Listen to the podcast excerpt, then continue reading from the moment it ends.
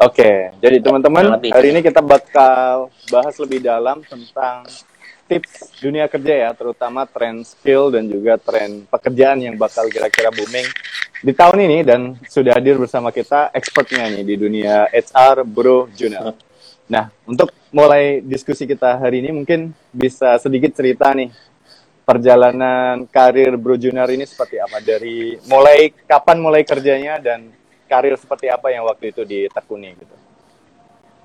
Oke, ya sebenarnya kalau misalkan perjalanan karir saya sendiri itu uh, ya cukup cukup banyak perubahan juga ya. Karena awalnya sebenarnya uh, bukan bekerja sebagai HR gitu tapi awalnya itu uh, walaupun internshipnya sih sebenarnya pas magang itu HR sih. Pas magang HR kemudian saya coba untuk uh, agak sedikit belok gitu ya karirnya. Dari yang tadinya HR terus coba pindah untuk uh, terjun ke industri kreatif seperti ya termasuk bikin video, konten video gitu kan dan juga bikin eh, konten-konten uh, yang lainnya gitu. Terus uh, tiba-tiba uh, ada tawaran yang menarik lagi, yang lebih menarik. Terus saya coba untuk pindah dan ternyata itu tawarannya ya di HR gitu ya di di posisi HR dan saya coba untuk uh, apply dan ternyata diterima full time sebagai HR dan setelah itu baru uh, coba belajar-belajar tentang HR lebih dalam lagi karena kan kalau di magang itu nggak terlalu dalam ya uh, cuma paling cuma kulit luarnya aja gitu. Setelah saya full time sebagai HR nah di situ baru mulai tertarik. Ternyata HR itu dunianya luas banget gitu. Dan ternyata memang sesuai juga dengan apa yang saya minati. Saya coba belajar dan ternyata ya ya udah sekarang terjun terus ke situ kan. Sambil tetap uh, pelajari konten juga gitu kan. Sambil bikin konten juga. Jadi nggak nggak mengorbankan salah satu lah kalau bisa belajar semuanya kenapa enggak gitu kan. Karena kan itu mengasah skill juga gitu. Jadi selain kerja sebagai HR di kantor juga saya uh, bikin konten gitu sih. Itu sih sebenarnya. Ber berarti udah udah berapa lama nih di dunia kerja? Total. Nah, kalau di dunia kerja ya total sih sekarang sekarang lagi jalan tahun ketiga sih sebenarnya. Oh, oke. Okay. hmm. siap. Kalau gue sendiri juga mau cerita dikit nih. Bener-bener kayak hmm. tadi ngalamin seperti yang Bro Junar lakuin sih. Jadi memang kebetulan karirnya banget banget changing Uh, jadi gue mulai kerja itu sebenarnya hmm. tahun 2015. Waktu itu lebih ke internship sih sebagai business consultant. Habis itu baru di tahun 2016 itu uh, lagi-lagi masih internship. Baru di tahun 2017 itu mulai aktif bekerja. Tapi saat itu sebenarnya hmm. mulainya di digital marketing sih. 2017 yang mana sebenarnya konsep digital marketing ini masih masih sangat asing sih buat gue sendiri dan buat market pada hmm. umumnya ya gitu. Baru setelah itu di tahun 2017 akhir uh, balik ke Indonesia dan uh, waktu itu gue memutuskan untuk bekerja sebagai engineer gitu. Karena kebetulan memang S1-nya hmm. ambil engineering dan kayak ah gue mau kerja dulu nih sebagai engineer gitu. Baru setelah dapat hmm. dua tahun tuh kayaknya uh, baru nemuin tuh career path-nya. Sepertinya kayak lebih prefer ke dunia uh, people oriented ya. Jadi back to digital marketing selama dua tahun dan uh, saat ini sebagai marketing consultant sih untuk uh, bisnis terutama di dunia education dan teknologi kayak gitu. Nah, mungkin uh, kita mulai bahas dulu nih. Kira-kira uh, skill apa sih yang bakal muncul di tahun ini gitu, yang kira-kira bakal diperlukan gitu? Hmm. Iya, kalau untuk skill sih sebenarnya ya berhubung kita masih pandemi gitu ya, dan sejak kita pandemi dan sejak kita uh, perusahaan-perusahaan menerapkan work from home atau remote working itu sebenarnya memang banyak perubahan skill yang dibutuhkan gitu ya oleh para perusahaan juga. Nah, sebenarnya skill-skill yang sekarang sangat-sangat dibutuhkan adalah pastinya skill digital gitu ya. Apa itu skill digital? Ya pastinya skill-skill yang berkaitan dengan dunia digital atau dunia online gitu. Seperti ya salah satunya adalah digital marketing, mungkin juga ada SEO, mungkin ada website, dan juga mungkin ada seperti content writing, copywriting, segala macam. Itu adalah skill-skill digital yang sangat-sangat dibutuhkan sekarang gitu. Berhubung sekarang kita serba remote working, serba work from home, walaupun sekarang sudah banyak yang work from office, tapi masih eh, secara, secara market pun sebenarnya masih banyak orang yang uh, memegang atau memanfaatkan dunia dunia-dunia digital gitu ya. Kayak sekarang mana ada sih orang nggak tahan gitu ya nggak buka Instagram sampai seminggu gitu ya nggak mungkin gitu ya. 24 jam aja nggak buka Instagram kayaknya panas banget gitu kan apalagi seminggu gitu. Jadi kayaknya nggak mungkin banget gitu. Jadi sekarang sebenarnya ya sekarang eh, bahkan bisnis pun semua sekarang go digital gitu kan. Go digital go online. Sekarang semua mau serba bisnis mau serba jualan semua serba digital. Itulah kenapa skill-skill digital pun uh, harus terus diasah sih karena ya sekarang saya saya pribadi pun belajar gitu ya skill-skill digital karena siapa tahu suatu saat ke depan saya juga membutuhkan skill digital tersebut gitu. Jadi kalau untuk skill sih paling banyak ya skill digital sih yang paling dibutuhkan sampai sekarang gitu. Agree banget sih. Bahkan istilahnya disebut para marketing expert seperti Nel Patel ini, kita sebenarnya baru di gerbangnya digital nih. Kebetulan karena pandemi hmm. terjadi akselerasi digital dan dibutuhkan skill-skill digital yang kekinian. Tapi digital ini kan luas banget nih. Ada kayak digital marketing, hmm. Bahkan di digital marketing pun luas banget. Ada kayak uh, content creation ada copywriting. Nah menurut Bro Junior nih kira-kira digitalnya di aspek yang seperti apa nih yang kira-kira bakal lebih booming lagi di tahun ini? Hmm, sebenarnya kalau booming sih sebenarnya kurang lebih sama sih kalau saya lihat. Karena satu skill digital dengan uh, skill digital yang lain saling saling berhubungan. Kayak misalkan kita oke okay lah kita belajar digital marketing gitu ya. Sebenarnya digital marketing itu kan banyak lagi. Misalkan sebenarnya copywriting juga termasuk digital marketing gitu ya. Copywriting bahkan kita bikin website pun termasuk ya digital marketing gitu ya. Karena sekarang orang jualan pada butuh yang namanya website atau landing page gitu kan. Itu itu jadi satu bagian pun sebagai digital marketing gitu kan. Karena yang namanya kita mau memasarkan pastinya kita harus punya sesuatu yang bisa dipasarkan gitu kan. Apa yang bisa dipasarkan? Ya website landing page gitu kan atau aplikasi kalau ngerti digital marketing tapi nggak punya sesuatu yang yang bisa dimarketingkan gitu ya, yang bisa dipasarkan ya sama aja bohong. Kita belajar uh, lama-lama bahkan buang banyak waktu untuk belajar digital marketing tapi nggak ada sesuatu yang bisa dipasarkan ya sama aja bohong gitu ya. Jadi ya sebenarnya semua saling berhubungan. Kayak misalnya kita mau bikin artikel gitu ya. Bikin artikel tapi kita nggak ngerti SEO ya percuma gitu ya. Jadi tetap harus bisa ngerti SEO ngerti content writing ngerti copywriting. Kalau mau memasarkan sesuatu mau belajar digital marketing harus bisa punya website gitu ya. Berarti harus bisa bikin website. Harus juga bisa atau misalkan bikin landing page gitu ya. Itu semua sebenarnya uh, saling berkaitan. Kalau menang ditanya yang paling paling booming yang mana menurut saya ya pastinya adalah ya digital marketing sih sebenarnya karena digital marketing kan hmm. kan sebenarnya uh, kalau kita punya sesuatu pasti kita harus ngerti marketingnya tapi yang lain pun bukan berarti nggak booming karena yang lain juga dibutuhkan tapi kalau memang harus banget memilih gitu ya mana sih yang paling yang paling dibutuhkan gitu ya yang paling booming kalau yang saya lihat sih sebenarnya dari digital marketingnya gitu ya atau mungkin eh, marketing offline mungkin masih ada tapi nggak gitu booming sih oke okay. Oke, okay. kalau gue mau nambahin dikit ya, mungkin dari pengalaman bekerja di edutech company gitu yang hmm. bisnis bisnis base-nya itu SaaS, hmm. jadi kayak jualan platform untuk mentransformasi nih. Jadi yang bisnis-bisnis yang biasanya offline hmm. dicoba untuk di online kan, kayak pendidikan coba di online hmm. pendidikan atau seperti retail dijadikan online retail dan uh, yang gue lihat selama ini kebutuhannya sebenarnya ada dua sih yang paling signifikan gitu. Yang pertama adalah performance hmm. marketing jadi kayak hmm. uh, ngukur gitu loh, kayak nggak nggak cuma bikin konten, nggak cuma bikin iklan, tetapi di, diukur gitu kayak biaya investasi yang kita keluarkan untuk bikin konten, untuk bikin iklan itu berapa dan hasilnya seperti hmm. apa itu itu semakin penting banget karena yang namanya investor tentunya nggak mau boncos dan dia mau lihat si return on investmentnya itu sebenarnya berapa hmm. kali gitu. dan dan yang kedua itu konten ya mungkin ya terutama di dunia digital ini uh, untuk membuat sebuah brand awareness campaign itu makin makin relevan gitu. Terutama konten-konten sekarang makin hmm. bervariasi. Ada yang misalnya di Instagram Betul. berbentuk carousel ataupun sekarang TikTok nih yang lagi booming dan banyak perusahaan yang masih bingung gitu untuk membuat konten yang relate yang bisa membangunkan awareness itu seperti apa. Nah, untuk uh, Bro Junior sendiri pengalaman dalam membuat konten itu seperti apa itu? Kayak challenge-nya apa sih gitu? Hmm.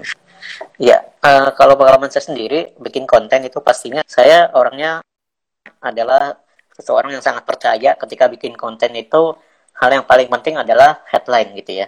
Karena kadang orang eh bukan kadang saya saya bahkan mungkin hampir 100% lah saya bisa memastikan bahwa ketika kita bikin konten orang itu nggak peduli isi konten kita apa. Yang orang peduli adalah headline dulu gitu. Karena logikanya adalah sebelum orang sebelum audiens kita masuk ke isi konten kita audiens itu harus mendarat dulu di headline kita gitu kan. Artinya dia harus baca dulu headline kita seperti apa menarik apa enggak kalau headline kita aja nggak menarik ya isi konten juga nggak penting gitu ya. Karena ya audiens nggak mungkin membaca isi konten kita kalau dia nggak tertarik uh, headline kita sama judul kita apakah judulnya itu eye apa enggak. Terus misalkan cukup menarik perhatian atau enggak gitu ya. Kalau itu semua nggak bisa ya percuma gitu ya. Isi konten juga orang nggak tahu isi kontennya apa karena headline-nya aja nggak dibaca nggak menarik gitu ya. Mungkin dibaca tapi nggak ya nggak tertarik pada di scroll aja gitu kan. Sama kadang konten-konten Facebook Ads juga begitu. Misalkan kita pasang Facebook Ads gitu ya, iklan di Facebook gitu kan pasti ada posternya gitu kan. Ada posternya atau ada ada videonya untuk mengiklankan produk kita gitu ya itu juga sebenarnya harus harus menarik gitu ya. Karena kalau kita bikin Facebook Ads iklan di Facebook ternyata misalkan posternya nggak menarik headline-nya ya udah berarti orang bak bakal scroll aja. Atau misalkan videonya nggak menarik di detik-detik awal ya berarti juga di scroll jadi sebenarnya saya kalau bikin konten pastinya saya akan uh, lebih lebih rela gitu ya lebih ikhlas kalau menghabiskan banyak waktu hanya untuk mikirin headline doang gitu ya. Jadi kalau isi konten itu belakangan aja yang penting headline-nya harus harus nonjok dulu gitu karena kalau headline menarik percuma gitu. Jadi itu sih yang paling penting kalau menurut saya. Setuju banget sih karena memang ya selama ini pengalaman pribadi juga ketika scroll scroll tuh kayak paling kita spend sekitar maksimum tiga detik ya untuk melihat uh, title sebuah konten. Dan kalau itu hmm. benar-benar eye catching baru kita lanjut baca. Atau ketika kita lihat video uh, di reels maupun di TikTok tuh juga kayak uh, tiga detik pertama itu harus ngehook banget gitu loh. Kalau enggak kita bakal skip kayak gitu. Nah, kalau tadi kita udah ngomong ini kayak yang tahun ini digital skills itu bakal booming. Kalau untuk pekerjaan sendiri, pekerjaan seperti apa nih yang kira-kira bakal booming di 2022? Iya, kalau sepengamatan saya juga kalau misalkan pekerjaan yang booming banget gitu ya pastinya adalah pekerjaan-pekerjaan yang satu pastinya berhubungan dengan digital gitu ya. Nah pekerjaan yang berhubungan dengan digital itu apa saja? Banyak yang misalkan kalau teman-teman lihat mungkin pekerjaan-pekerjaan yang bergerak di bidang edutech gitu ya educational technology atau misalkan di industri kreatif seperti itu. Sekarang banyak uh, demand atau permintaan gitu ya di luar sana kepada pekerjaan-pekerjaan seperti digital marketing gitu ya. Terus juga mungkin SEO, mungkin juga ada graphic design, mungkin juga ada sekarang misalkan bikin website gitu ya kan sekarang uh, kalau jualan dan juga bisnis pasti butuh yang namanya website atau landing page. Nah itu kita uh, kadang bisnis owner tuh nggak punya banyak waktu buat belajar dari nol lagi gimana sih caranya bikin website dari nol atau bikin landing page dari nol. Nah di situ peran kita gitu. Jadi uh, banyak sih yang memang membutuhkan skill-skill seperti itu, skill-skill seperti website, SEO atau content writing, copywriting karena itu semua berkaitan dan kadang ya perusahaan-perusahaan kan nggak semua perusahaan memiliki tenaga yang seperti itu. Nah, itulah kenapa permintaannya sudah mulai cukup banyak gitu. Apalagi sekarang semua udah serba online, ya pastinya pekerjaan-pekerjaan seperti itulah yang sebenarnya dicari sama banyak perusahaan juga. Gitu. Setuju banget sih. Jadi uh, berdasarkan pengamatan pribadi, pribadi nih kayak uh, selama setahun terakhir nih merasakan bahwa banyak sebenarnya perusahaan dari luar negeri yang base-nya teknologi ini dia mulai penetrasi ke Indonesia gitu. Karena uh, kebutuhan dasarnya adalah digital. Jadi mereka memberikan opportunity untuk remote working sebenarnya. Jadi kayak buat orang-orang yang paham digital, pekerjaannya itu remote dan uh, tujuan utama mereka adalah penetrasi ke Indonesia. Jadi yang dibutuhkan itu sebenarnya dua. Yang pertama adalah digital marketing, yang kedua adalah digital sales ya. Jadi kayak uh, si marketing ini membuat top of funnel, jadi kayak create awareness dan consideration habis itu di dieksekusi ini sama si tim sales itu. Nah, mungkin untuk menurut Bro Januar, kalau yang belum pernah bekerja atau berkarir di dunia digital, lalu pengen shifting ini bagaimana kira-kira? Apakah bisa dan apa yang harus dilakukan gitu? Iya, kalau misalkan yang tadinya bukan pekerjaan di dunia digital gitu ya, terus tiba-tiba mau shifting ke pekerjaan-pekerjaan yang berkaitan dengan dunia digital, pastinya adalah belajar nggak cuma sekedar teori doang, tapi coba untuk uh, belajar hal-hal yang sifatnya praktek juga. Artinya mungkin memahami studi kasus atau misalkan bikin portofolio yang menarik gitu ya, yang pastinya berkaitan dengan posisi yang dilamar nanti. Gitu. Pastinya banyak banyak upgrade skill sih, upgrade skill, asal skill supaya bisa lebih baik lagi, lebih bagus lagi skillnya supaya nanti ketika masuk ke dunia kerja, bekerja itu nggak terlalu banyak menghabiskan waktu untuk belajar lagi dari nol. Jadi kita udah ada bekalnya dulu sebelum kita uh, diterima kerja nanti gitu. Jadi misalkan mau apply sebagai digital marketer gitu ya, mau bela mau belajar atau berkarir sebagai digital marketer ya berarti belajar dulu digital marketing seperti apa sih, kenapa perusahaan atau bisnis itu butuh yang namanya digital marketing gitu. Apa sih yang unik dari digital marketing tersebut gitu ya kita pelajari dimulai dari mungkin cara pasang iklan atau misalnya cara bikin konten dan juga misalkan cara supaya bisa bikin copywriting yang menarik gitu ya buat website atau landing page gitu. Itu kita perlu pelajari dulu semuanya. Kalau perlu banyak-banyakin praktek juga. Kalau misalkan teman-teman sempat juga misalkan kerja freelance ada kan kadang ada yang freelance juga gitu ya.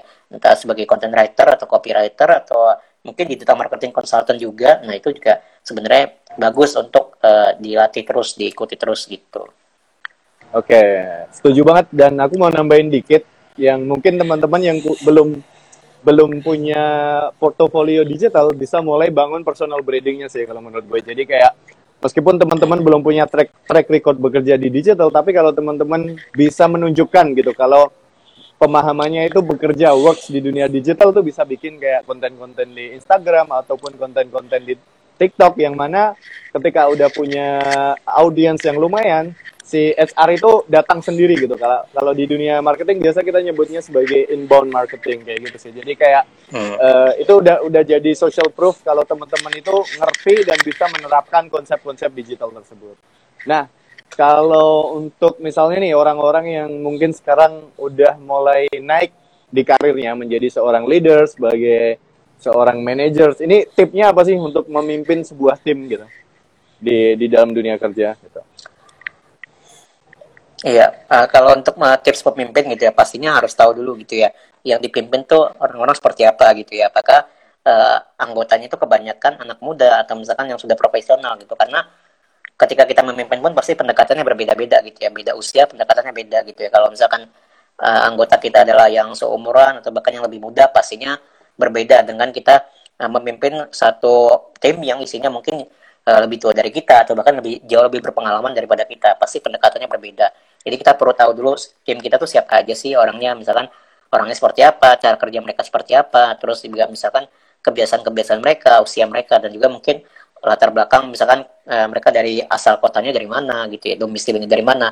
Itu kan cara kita bicara juga bisa bisa berbeda gitu ya. Jadi kita harus tahu dulu misalkan orang di tim-tim kita itu seperti apa sih.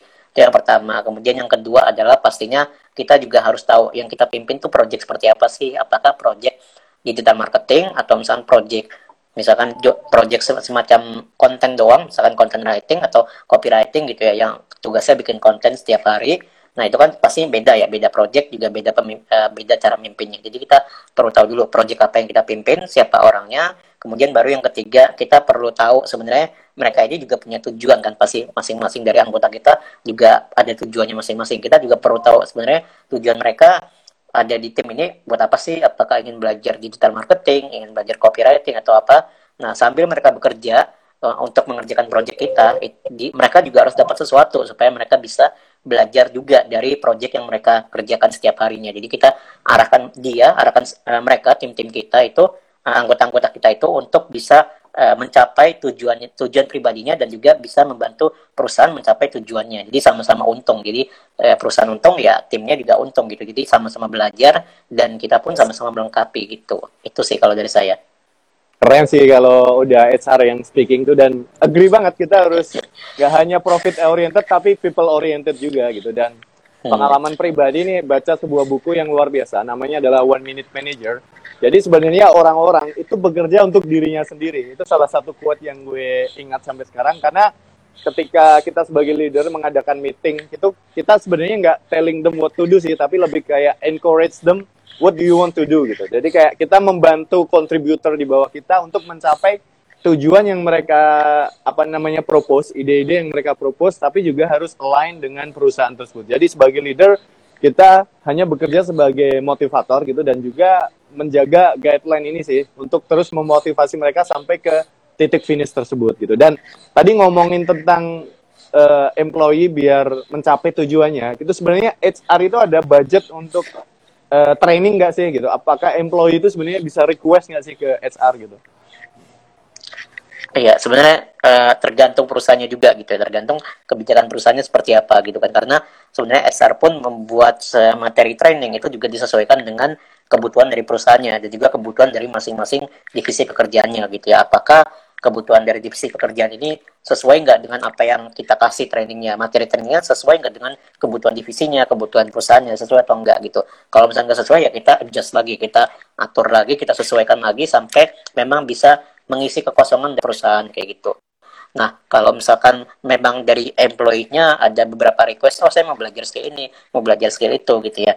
Kalau misalkan memang ada request seperti itu, ya sebenarnya itu balik lagi ke masing-masing divisi, kepala masing-masing divisi kan. Kalau uh, di satu perusahaan, kalau divisinya banyak pasti ada kepala-kepala divisinya kan. Jadi nggak nggak cuma satu atasan doang, tapi atasannya banyak gitu sesuai dengan divisi masing-masing. Kita harus uh, sebenarnya requestnya ke yang atasan juga ke divisinya, di, ke kepala divisinya gitu ya. Apakah kepala divisinya ini memang uh, bersedia kalau misalkan meluangkan beberapa waktu atau beberapa mungkin beberapa hari atau beberapa jam gitu ya untuk uh, belajar skill-skill tertentu yang memang dibutuhkan sama perusahaan.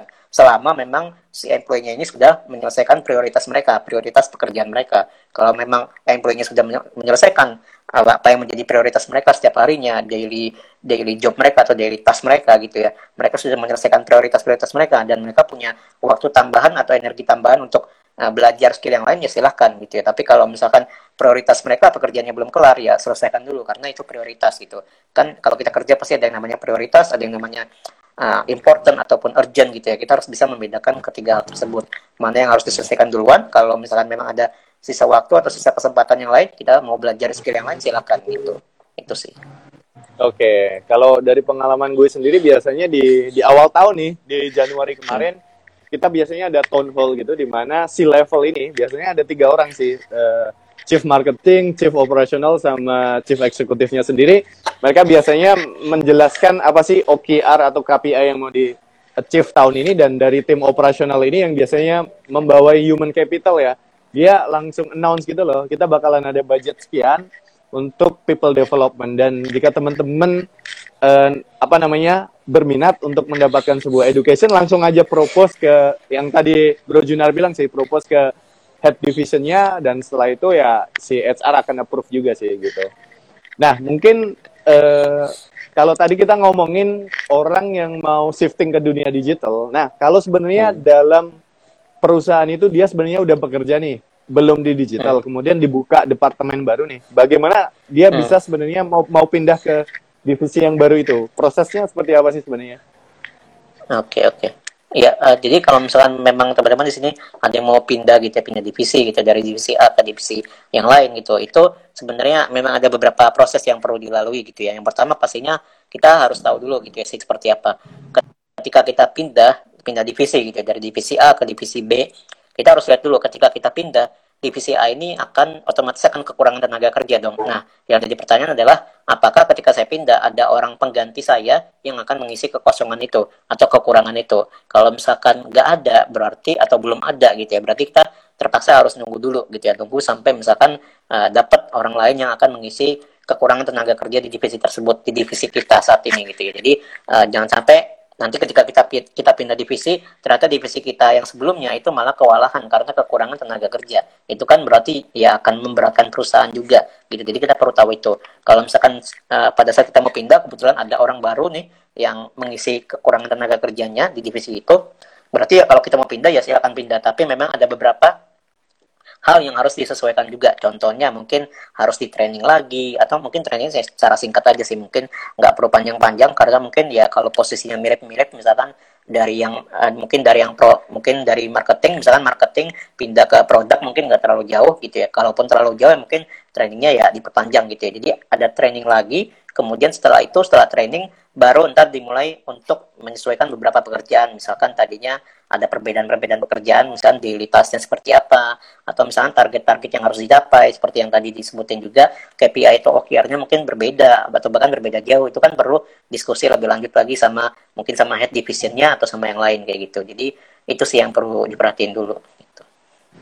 Oke, kalau pengalaman gue sih eh, belum pernah apply sendiri buat mutasi, tapi kayak dari head departemen lain itu malah kayak uh, karena kita saking deketnya dia yang minta pindah gitu loh yang akhirnya dia yang nego dengan uh, head divisinya dengan SR-nya dan dalam beberapa bulan pernah pindah sih seperti itu dan oh. uh, mungkin satu pertanyaan lagi yang sangat uh, biasanya orang tanyakan itu uh, bekerja itu apakah harus mengikuti passion ini yang sering banget sih yang orang-orang tanya. Iya, iya. Hmm. Iya, uh, sebenarnya ya setiap orang punya punya pendapatnya masing-masing ya karena kan ini nggak ada jawaban benar atau salah ya kalau ngomongin passion. Ya ini uh, kalau menurut pandangan pribadi saya aja kalau misalkan mau bekerja dengan uh, sesuai passion sebenarnya nggak ada salah-salahnya sama sekali gitu. Tapi kalau misalkan mau bekerja uh, awalnya prioritasnya itu untuk dapat uang atau gaji gitu ya, itu juga nggak ada salahnya sama sekali gitu ya.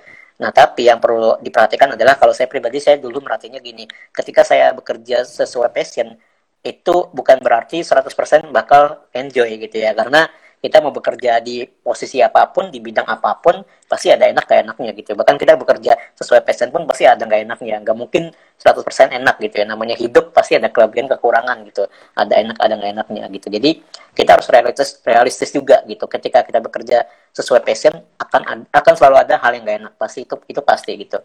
Nah kalau misalkan kita baru awal-awal gitu masih fresh graduate baru lulus gitu ya mau bekerja secara passion kita baru lihat apakah passion kita ini demandnya tinggi apa enggak gitu ya. Itu yang pertama. Kalau misalnya demandnya tinggi berarti kan otomatis ruangan pekerjaannya banyak gitu ya. Jadi kita nggak susah buat nyari pekerjaan yang sesuai dengan passion kita. Tapi kalau misalkan pekerjaan yang sesuai dengan passion kita itu demandnya rendah atau bahkan rendah sekali gitu ya. Itu pasti akan susah susah dong cari kerjanya gitu kan. Karena ruangannya sangat-sangat terbatas dan yang ada kita keburu kelaparan belum dapat kerja udah keburu susah mau makan doang susah gitu kan. Itu kan bahaya gitu. Jadi kita harus perhatikan itu. Jadi jangan sampai kita waktunya habis buat cari kerja eh ternyata misalkan harus ada bayar cicilan inilah utang inilah utang itu lah kan repot gitu ya. Karena eh, waktu kita untuk bisa menyelesaikan misalkan ya biaya bulanan kita juga terbatas gitu ya. Dalam arti kalau misalkan tiap bulan kita harus mungkin harus bayar listrik air atau segala macam itu kan butuh duit gitu ya. Jadi kalau memang passion kita itu pekerjaannya demandnya rendah, ya lebih baik eh, cari carilah kerja yang memang demandnya tinggi gitu. Jadi nggak terus kerja sesuai passion. Tapi kalau misalnya memang passion ya ini demandnya tinggi, eh, lawan pekerjaannya banyak, ya udah coba cari dulu gitu. Jadi eh, tergantung sih situasinya seperti apa. Gitu.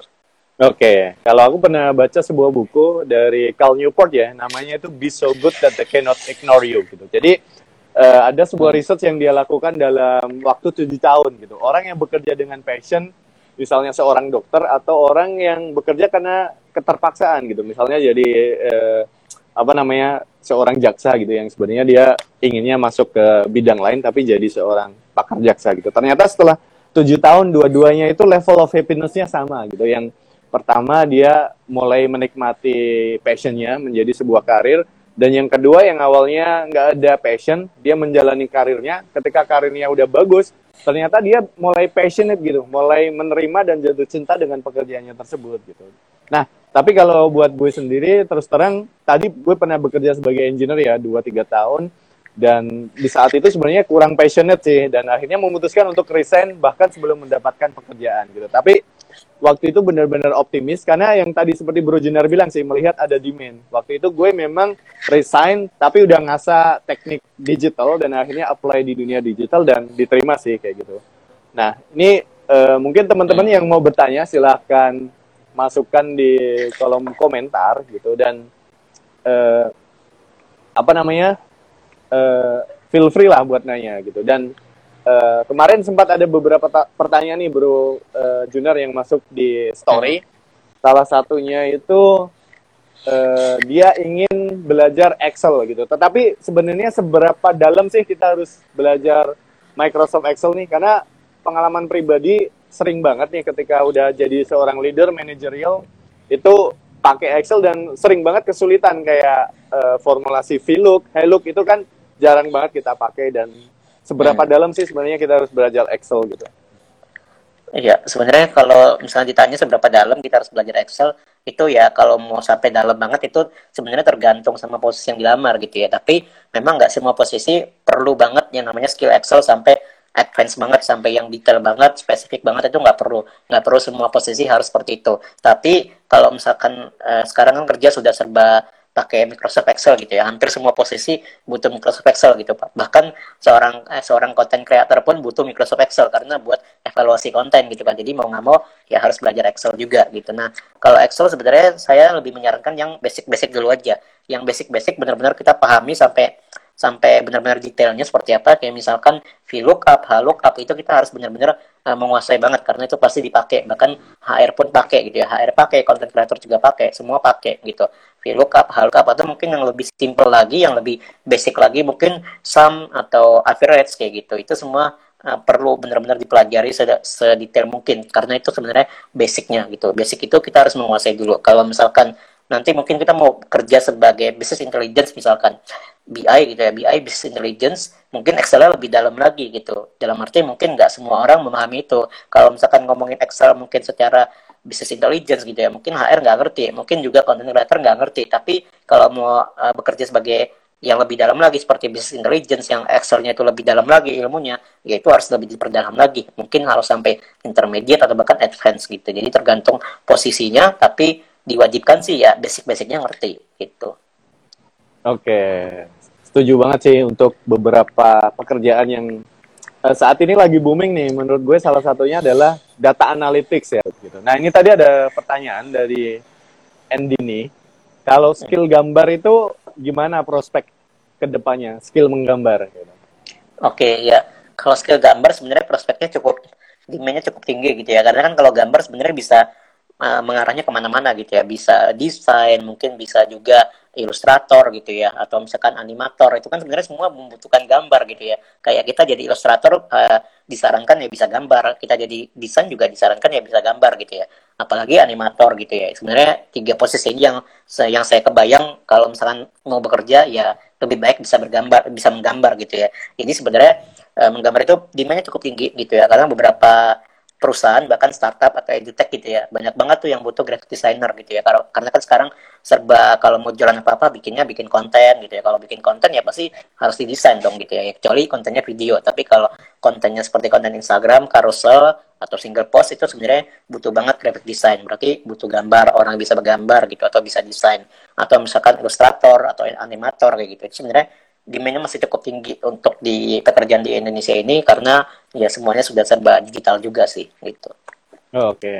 Ini pengalaman pribadi kemarin sempat kita sempat cari animator sih dan salah satu skill yang kita butuhkan adalah menggambar karena kita perusahaan SaaS teknologi di mana ya eh, kita nggak sewa aktor ataupun aktris untuk bikin promotional video tapi lebih ke animasi dan itu budgetnya mahal banget teman-teman. Jadi kayak kita butuh konten video selama 1 sampai 2 menit itu biayanya sampai 150 juta loh. Segitu kerennya gitu kalau teman-teman bisa dapat proyek dari menggambar ini tadi gitu. Dan ini tadi ada pertanyaan menarik Bro Junar dari ya. uh, Mac An Andra Aziz gitu. Kalau pekerjaan passion tapi lingkungannya toxic, seperti jabatannya ditahan dan lingkungan korup bagaimana? Gitu.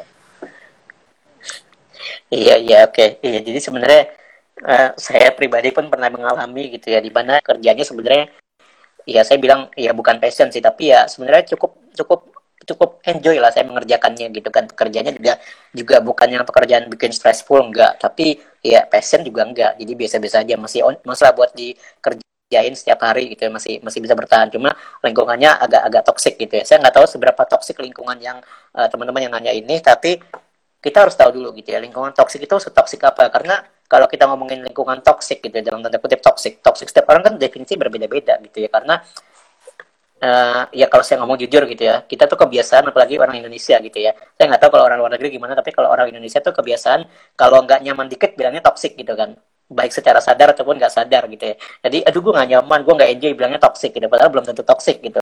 Mungkin kitanya aja yang terlalu baper atau gimana gitu kan. Jadi ah toxic gitu ya. Ah, gue mau pindah itu sering banget terjadi. Bahkan rekan-rekan kerja saya dulu juga sempat beberapa kali ada ngomong seperti itu.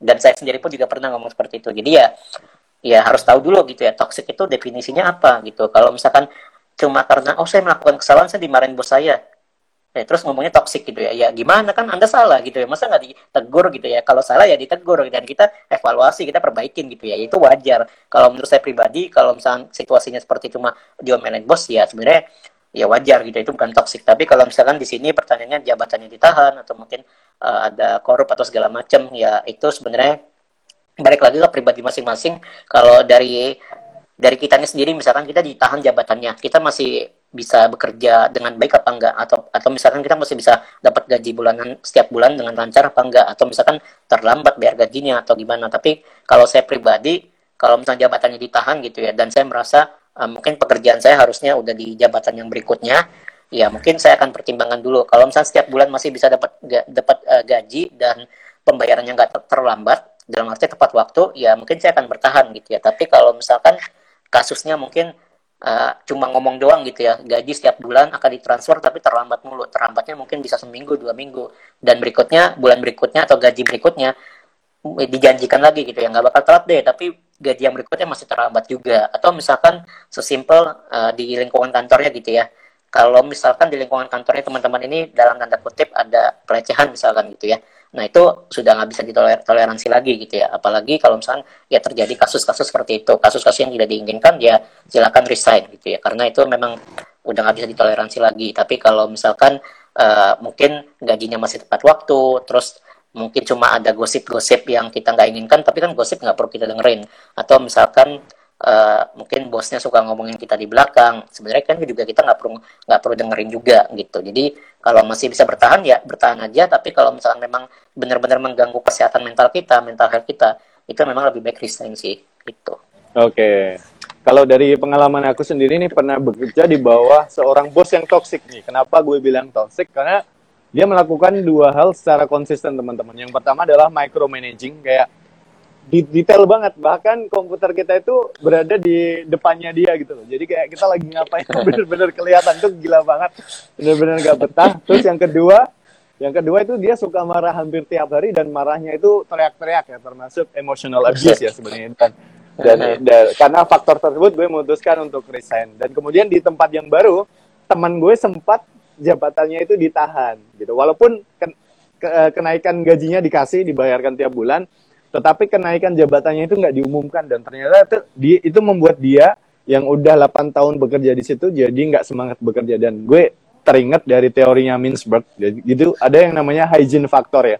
Jadi ada hal-hal yang membuat kita satisfied tapi ada hal-hal yang membuat dissatisfied gitu. Jadi dia satisfied dengan gajinya, kenaikan gajinya, tapi karena jabatannya nggak diumumkan, jadi secara sosial dia nggak mendapatkan recognition ya, dan dan itu membuat dia menjadi kurang semangat bekerjanya kayak gitu. Dan mungkin kalau toksiknya seperti tadi dan seperti yang dibahas oleh Bro Junar, nggak ada salahnya teman-teman coba apply di tempat lain sambil tetap profesional di tempat yang sekarang gitu. Dan tadi ada pertanyaan yang uh, sering banget ditanyakan juga nih Bro dari Rahman Hmm. Gimana cara menjawab pertama, pertanyaan HR yang biasanya nanya uh, gaji berapa yang kamu butuhkan gitu, ekspektasi gaji kamu gitu.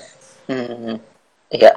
Ya sebenarnya saya udah sering bahas juga di konten-konten saya gitu ya. Jadi kalau misalnya ditanya berapa ekspektasi gajinya, pastinya sebelum ditanya itu akan lebih baik kita riset dulu gitu. Kita research dulu, ya kita research dulu gitu ya. Kita research dulu uh, untuk posisi pekerjaan yang dilamar ini kisaran gaji kita tuh berapa sih? Jadi misalkan kita harus tahu dulu posisi pekerjaan yang dilamar gitu ya. Misalkan posisi pekerjaannya adalah digital marketing gitu ya. Digital marketing kisaran gajinya berapa sih kalau misalkan di domisili Jakarta gitu ya misalkan. Jadi uh, disesuaikan dengan posisi yang dilamar dan juga di domisili tempat kerja kita nanti. Misalkan digital marketing kisaran gajinya di Jakarta tuh berapa sih? Misalkan uh, 6 sampai 8 juta misalkan. Oke berarti kisarannya 6 sampai 8 juta. Ya teman-teman boleh sebutin uh, 6 sampai 8 juta untuk uh, posisi di dalam marketing. Kalau misalkan mau ikutin UMR atau UMK ya silahkan, tapi ya kalau saran saya sih kalau misalkan memang udah ngomongnya ikutin UMR ya jangan protes kalau digajinya UMR gitu ya. Karena kan beberapa beberapa karyawan ada yang suka uh, oh iya uh, saya ikutin UMR aja pak bu gitu ya. Ternyata pas digaji UMR beneran ternyata gosip sana sini eh gila perusahaan ini gajinya kecil ya. Kan anda yang minta UMR gitu ya. Kok kok jadi perusahaannya yang kena gitu kan. Jadi kalau memang punya ekspektasi ya ngomong aja. Dan sebenarnya ekspektasinya juga nggak boleh sembarangan yang tadi saya bilang berdasarkan riset gitu ya. Berdasarkan research saya misalkan di job trade atau di Indeed ternyata kisaran gaji untuk digital marketing segini loh pak kayak gitu. Nah, yang jadi pertanyaan adalah gimana kalau misalnya kita mau lebih gitu ya, lebih dari yang uh, hasil riset kita gitu. Sebenarnya boleh, tapi logikanya adalah ketika kita ingin digaji lebih, kita harus bisa memberikan lebih untuk perusahaan gitu ya, supaya nggak ada pihak yang merasa dirugikan. Kalau mau lebih ya berarti tanggung jawabnya lebih gitu ya. Jadi ya saya suka banget sama ya sama kata-kata motivasi dari film Spider-Man gitu ya the great apa the great power uh, with with the great power comes the great responsibility gitu kan. Artinya kalau kita dikasih power yang besar ya tanggung jawabnya juga besar gitu ya. Jangan jangan jangan berharap punya power yang besar tapi tanggung jawabnya kecil gitu ya. Itu kayaknya nggak mungkin terjadi gitu ya. Jadi kalau misalnya mau uh, diberikan lebih ya berikanlah lebih kepada perusahaan gitu. Jadi sama-sama untung dan nggak ada yang dirugikan seperti itu. Jadi harus riset dulu sih cari tahu dulu supaya ekspektasi gaji kita pun ada hasil risetnya nggak sembarangan gitu Oke, okay, setuju sih. Jadi kalau dari pengalaman gue biasanya research atau biasanya kita sebut kayak kompetitif uh, salary ya. Jadi kayak mengikuti market tapi hmm. di up sedikit lebih banyak gitu. Atau kalaupun teman-teman ingin menjawab lebih detail boleh juga. Misalnya kayak di Jakarta saya butuh biaya hidup sekian, kemudian biaya asuransi sekian dan kebutuhan tunjangan saya sekian itu juga bisa dipropos kayak gitu. Atau jika teman-teman misalnya udah profesional gitu kemudian di hijack tempat lain biasanya kita propos 20 sampai 30 persen itu dari pengalaman pribadi. Tapi kalau jabatan teman-teman uh, itu naik mungkin teman-teman bisa propos uh, dua kali lipat juga sih. Kalau memang terjadi kenaikan jabatan di situ. Misalnya dari supervisor menjadi manager atau dari manager menjadi head atau chief ya, chief departemen tersebut gitu. Nah, ini ada beberapa pengalaman pribadi juga nih. Ada hmm. temen uh, dia masuk nih, memang gajinya sesuai ekspektasi. Ternyata gaji yang dia minta itu masih masih di bawah budget yang sebenarnya sudah disiapkan oleh yeah. tim HR, bro dan apa namanya dan dia yeah. dia tahu gaji teman-temannya itu ternyata lebih tinggi walau, walaupun departemen dan jabatannya itu sama. Itu gimana kita harus hmm. menyikapinya gitu? Iya iya. Sebenarnya gini selain selain departemen pekerjaan dan jabatannya sama gitu ya. Ya sebenarnya uh, perlu diketahui juga gitu ya. Sebenarnya lowongan atau posisi pekerjaan yang kita apply itu khusus untuk level apa kan kadang ada beberapa level ya misalkan untuk junior untuk senior atau misalkan untuk fresh graduate gitu ya. Kalau misalkan kita mungkin kita masih fresh graduate kalau misalnya memang ada perbedaan uh, pendapatan pun sebenarnya ya wajar-wajar aja karena memang ya mungkin kita sebenarnya udah ada nilai plus yang tadi saya bilang masih fresh graduate tapi tiba-tiba udah ada yang jadi uh, manager atau udah ada yang jadi senior kayak gitu. Itu kan sebenarnya ya udah nilai plus juga. Tapi kalau misalkan misalkan semuanya pekerjaannya sama divisinya sama gitu ya. Terus uh, juga misalkan uh, levelnya juga sama gitu ya. Pokoknya semuanya serba sama pekerjaannya juga sama gitu ya. Ternyata gajinya beda-beda ya. Itu mungkin bisa ditanyain langsung gitu ya. Ditanyain langsung ke uh, kepala divisinya atau ke HR-nya bisa ke kepala divisi sih yang lebih ngerti gitu ya. Biasanya nanti uh, mereka si kepala divisi itu yang akan menjelaskan yang lebih paham seperti apa sih kok bisa mekanismenya seperti itu. Bisa gajinya beda tapi semuanya pekerjaannya sama gitu. Jadi nanti si kepala divisinya akan menjelaskan sih. Biasa yang saya lakukan sih seperti itu.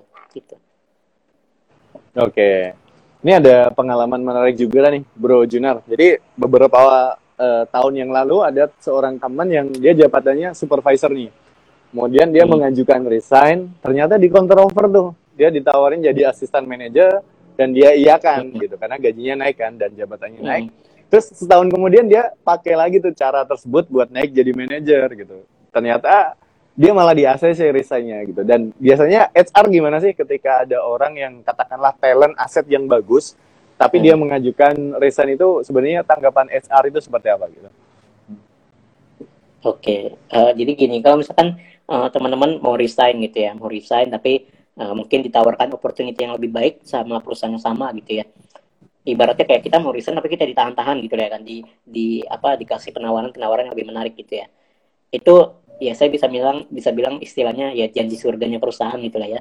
Di mana ketika perusahaan tidak mau kehilangan talent-talent terbaik mereka pasti akan mengucapkan janji-janji surga mereka gitu ya. Berarti yang namanya kita ngomong secara lisan itu kan belum bisa dipercaya 100% gitu ya. Karena kalau cuma janji secara lisan ya Iya, semua orang juga bisa ngomong kayak gitu. Tapi supaya bisa lebih pasti, caranya gimana? Caranya adalah ya pastinya tertulis di misalkan kontrak kerja gitu ya. Atau misalnya di penawaran kerjanya, misalnya di satu surat, intinya adalah hitam di atas putih itu harus tertulis jelas dan ditandatangani. Supaya nanti ketika mungkin uh, manajernya itu uh, mengelak gitu ya, mengelak atau menolak e, ternyata nggak jadi saya nggak jadi naikin kamu jadi manajer deh. Nah, ya udah kamu resign aja. Ya nggak bisa karena udah ada perjanjiannya gitu udah ada hitam di atas putih dan sudah mungkin sudah ditandatangani juga. Jadi nggak bisa di di apa ya di ditolak lagi atau di, dilarang lagi gitu ya dilanggar lagi. Kenapa? Karena kita sudah sepakat sudah berjanji dan juga sudah deal gitu loh satu sama lain sudah hitam di atas putih dan kalau misalkan manajernya menolak pun bisa diproses secara hukum mungkin gitu ya. Jadi Uh, intinya kalau saya pribadi sih saya nggak percaya kalau lisan doang itu saya nggak percaya gitu ya. Jadi saya tetap harus ada uh, buktinya supaya kalau misalnya melanggar pun ada konsekuensi yang akan atau harus dijalani seperti itu. Jadi kadang kan perusahaan juga pintar gitu ya kalau kita mau resign dapat penawaran yang lebih baik dari perusahaan yang lain ternyata perusahaan ini nahan-nahan eh, dengan cara ya janji-janji surga yang tadi saya bilang ya mungkin itu cuma ngomong doang gitu karena nggak ada hitam di atas putih jadi lebih baik uh, semuanya dituangkan di hitam di atas putih supaya pasti dan kalaupun ternyata dilanggar ada konsekuensinya gitu oke ini juga tadi sore sempat baca sih ada hal yang lagi viral nih di di Twitter di mana orang itu dia sengaja kayak setiap tahun tuh ngajuin resign biar gajinya naik ini. Ini tanggapannya HR bagaimana nih? Kayak sengaja nih kayak ngajuin resign biar di counter gitu loh. iya. Ya kalau saya sih uh, nggak nggak perlu ribet-ribet gitu ya, saya simpel aja gitu. Kalau kan ada eh, karyawan gitu ya yang mungkin uh, ngajuin resign gitu dengan alasan mungkin uh, dengan tujuan tujuan maksud atau tujuan dibalik resign itu sebenarnya bukan mau benar-benar resign mungkin mau supaya dinaikin gajinya gitu kan. Sebenarnya eh, orang-orang seperti itu banyak nggak nggak sedikit gitu. Nah biasanya yang saya lakukan adalah saya pasti tanya dulu ke orangnya oke okay, kamu ingin naik gaji. Memang kamu sudah memberikan apa buat perusahaan ini gitu ya. Jadi saya akan tanya dulu gitu ya. Kalau misalnya dia udah jelasin panjang lebar oh saya udah kasih ini kasih ini kasih ini gitu ya. Pastinya saya akan lihat reportnya dia atau hasil kerjanya dia gitu ya. Pastinya saya uh, terima reportnya itu atau hasil kerjanya itu ya dari atasannya dari kepala divisinya gitu ya. Jadi saya lihat misalkan KPI-nya sudah tercapai atau belum OKR-nya sudah tercapai atau belum gitu ya. Dan kalau misalkan sudah tercapai pun kira-kira ada nggak sesuatu hal yang yang dilakukan sama karyawan ini gitu ya.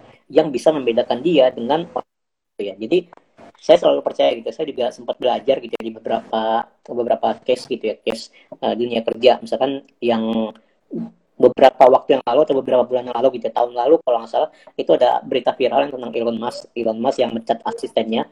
Itu sebenarnya saya suka banget saya suka banget sama beritanya karena bukan masalah pecatnya tapi Elon Musk itu bilang kalau misalkan saya uh, misalkan kasih cuti gitu ya kasih cuti ke Asia kira-kira pas dia dia bilang saya dia mencutikan asistennya gitu ya karyawannya.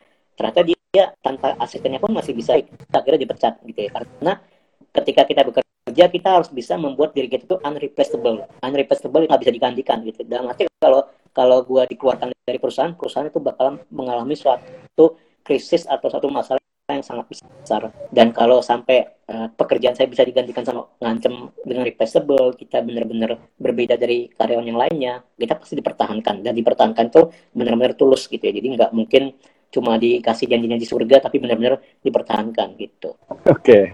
Oke, ini ngomongin Elon Musk jadi ingat statement yang sangat menarik. Tadi kita sempat bahas tentang passion dan sebagai untuk gue sendiri gitu, selain passion itu tentunya kita ingin punya impact dan purpose gitu dalam melakukan suatu pekerjaan dan impact ini sempat dibahas oleh Elon Musk bahwa sebenarnya kita bisa memberikan dua impact ya.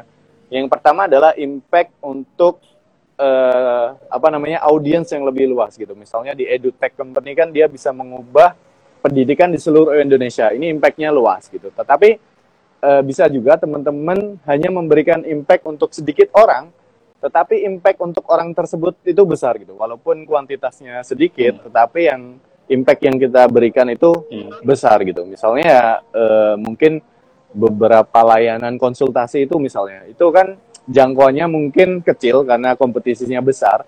Tetapi impact yang dia berikan untuk si orang yang datang di perusahaannya itu kan besar. Misalnya kayak psikolog itu kan dia bisa mengubah kondisi orang yang dari terpuruk menjadi bangkit kayak gitu.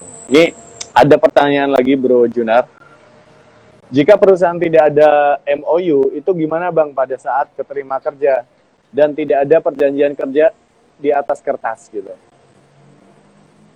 Jadi dia udah ditawarin tapi belum ada kayak offeringnya, belum ada tanda tangannya, itu gimana? Gitu.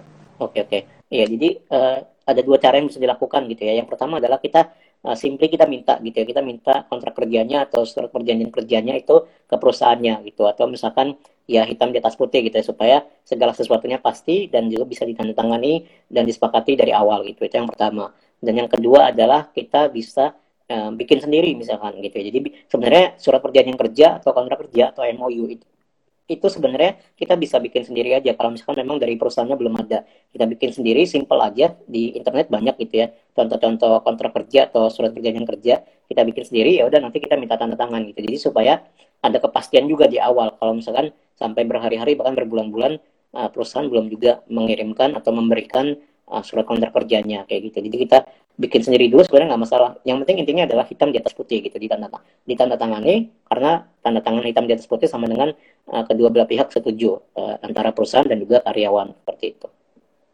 Oke, ini tinggal dua menit ya teman-teman. Jadi kita mungkin pertanyaan terakhir kita kasih bagaimana tips menyiapkan CV yang paling enggak at least mendatangkan interview buat kita kayak gitu. Oke, ya kalau untuk CV yang bisa mendatangkan interview pastinya yang pertama adalah CV yang isi informasinya itu atau pengalaman dan skillnya itu berkaitan dengan posisi yang mau dilamar gitu. Jadi kalau misalkan kita mau apply sebagai digital marketing gitu ya, berarti informasinya harus berkaitan tentang, tentang digital marketing gitu ya dalam arti ya berarti mungkin digital marketing Facebook Ads atau Instagram Ads atau mungkin uh, copywriting, content marketing segala macam. Jadi yang berkaitan dengan posisi yang mau dilamar. Yang pertama, kemudian yang kedua adalah saya lebih menyarankan kalau untuk desain CV itu adalah desain CV yang polos gitu yang menggunakan attach friendly gitu. Karena itu lebih terkesannya profesional daripada berwarna-warna warna-warni tapi tulisannya nggak jelas gitu ya. Terus belum lagi fontnya aneh-aneh gitu ya. Susah dibaca ya lebih baik ya yang biasa aja. Mungkin Times New Roman atau Arial juga cukup gitu ya.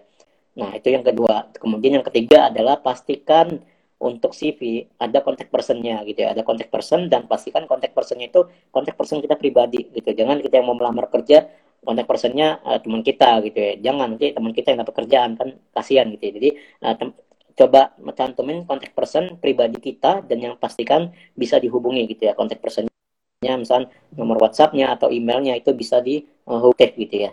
Itu yang ketiga. Baru yang terakhir adalah pastinya kalau misalkan teman-teman melampirkan foto itu fotonya foto yang profesional pakai baju yang profesional minimal kemeja atau pakai blazer juga nggak apa-apa dan pastikan fotonya jangan sampai blur jangan sampai buram gitu sih itu sih empat poin yang teman-teman harus perhatikan ketika bikin CV supaya bisa dipanggil interview Oke, kalau dari gue mungkin sedikit agak berbeda nih dengan Bro Juna. Tapi yang poin yang pertama setuju, sepakat. Jadi pengalaman gue pribadi nih, kayak orang-orang tuh mencantumkan posisi yang beda-beda untuk kemudian ditujukan di posisi yang terakhir gitu. Kayak mending teman-teman delete yang nggak relevan dan masukin posisi-posisi yang pernah dikerjain dan relevan itu. Dan kedua, tulis pencapaiannya sih. Kayak biasanya tim HR dan usernya sendiri itu ingin lihat kayak lo udah bekerja di situ satu dua tahun, achievement apa yang lo bisa kerjakan gitu. Misalnya menumbuhkan Instagram secara organik uh, 10k setiap bulan itu achievement yang luar biasa dan pastinya bakal diharapkan hal yang sama di perusahaan yang baru. Kemudian yang ketiga, gue lebih suka CV yang single page sih karena berdasarkan research kayak SR itu cuma baca sekitar 7 detik gitu dan uh, kalau CV-nya berhalaman banyak tuh siapa yang mau baca gitu. Kemudian yang keempat gue lebih suka CV yang colorful karena menurut gue itu kekinian. Bahkan gue pakai foto CV itu foto yang di foto Instagram ini kayak bener-bener foto pas lagi jalan-jalan. Tapi karena mungkin gue apply sebagai marketing ya, di mana ya marketing itu dunianya para kreatif kayak gitu. Jadi mungkin uh, bisa lagi disesuaikan dengan jabatan yang teman-teman apply kayak gitu. Dan mungkin ini udah jam 9, kita ke closing statement ini, Bro Junar. Stat, uh, closing statement apa yang perlu teman-teman dengarkan untuk tren untuk mencapai untuk mendapatkan skill kekinian dan juga job kekinian gitu. Ya. Uh, closing statement dari saya buat teman-teman yang mau dapat job uh, job yang kekinian gitu ya Nah, coba untuk rajin-rajin ikut webinar atau ikut workshop, bangun portofolio, kayak gitu. Jadi dari situ nanti bisa banyak persiapannya dan nanti kalau misalnya udah siap buat bekerja ya udah tinggal apply doang gitu, tinggal apply dan ya udah nanti apply-nya sesuai dengan skill yang sudah diasah sebelumnya gitu. Itu sih. Oke, kalau dari gue mungkin teman-teman bisa uh, membiasakan ya membaca tren apa yang ada di market gitu, bisa baca beberapa artikel aja sebenarnya udah cukup lima artikel gitu misalnya yang Uh, biasanya sih kalau di Indonesia mengikuti apa yang ada di Barat ya karena mungkin mereka lebih advance untuk saat ini. Jadi mereka bisa jadi kiblat contoh untuk kita. Kayak pekerjaan apa yang muncul di sana kayak misalnya Deddy Corbuzier tuh pernah membaca ya di di Amerika itu kan muncul podcast kayak Joe Rogan gitu ya. Kemudian Deddy Corbuzier menciptakan sebuah tren yang sebenarnya sama. Jadi kayak uh, biasakan untuk membaca situasi lalu diterapkan sendiri gitu. Akan dicoba gitu. Dan itu sih dari gue dan thank you banget Bro Junar sekali lagi udah menyempatkan waktunya dan juga terima kasih buat teman-teman semua. Thank you Bro, sukses terus.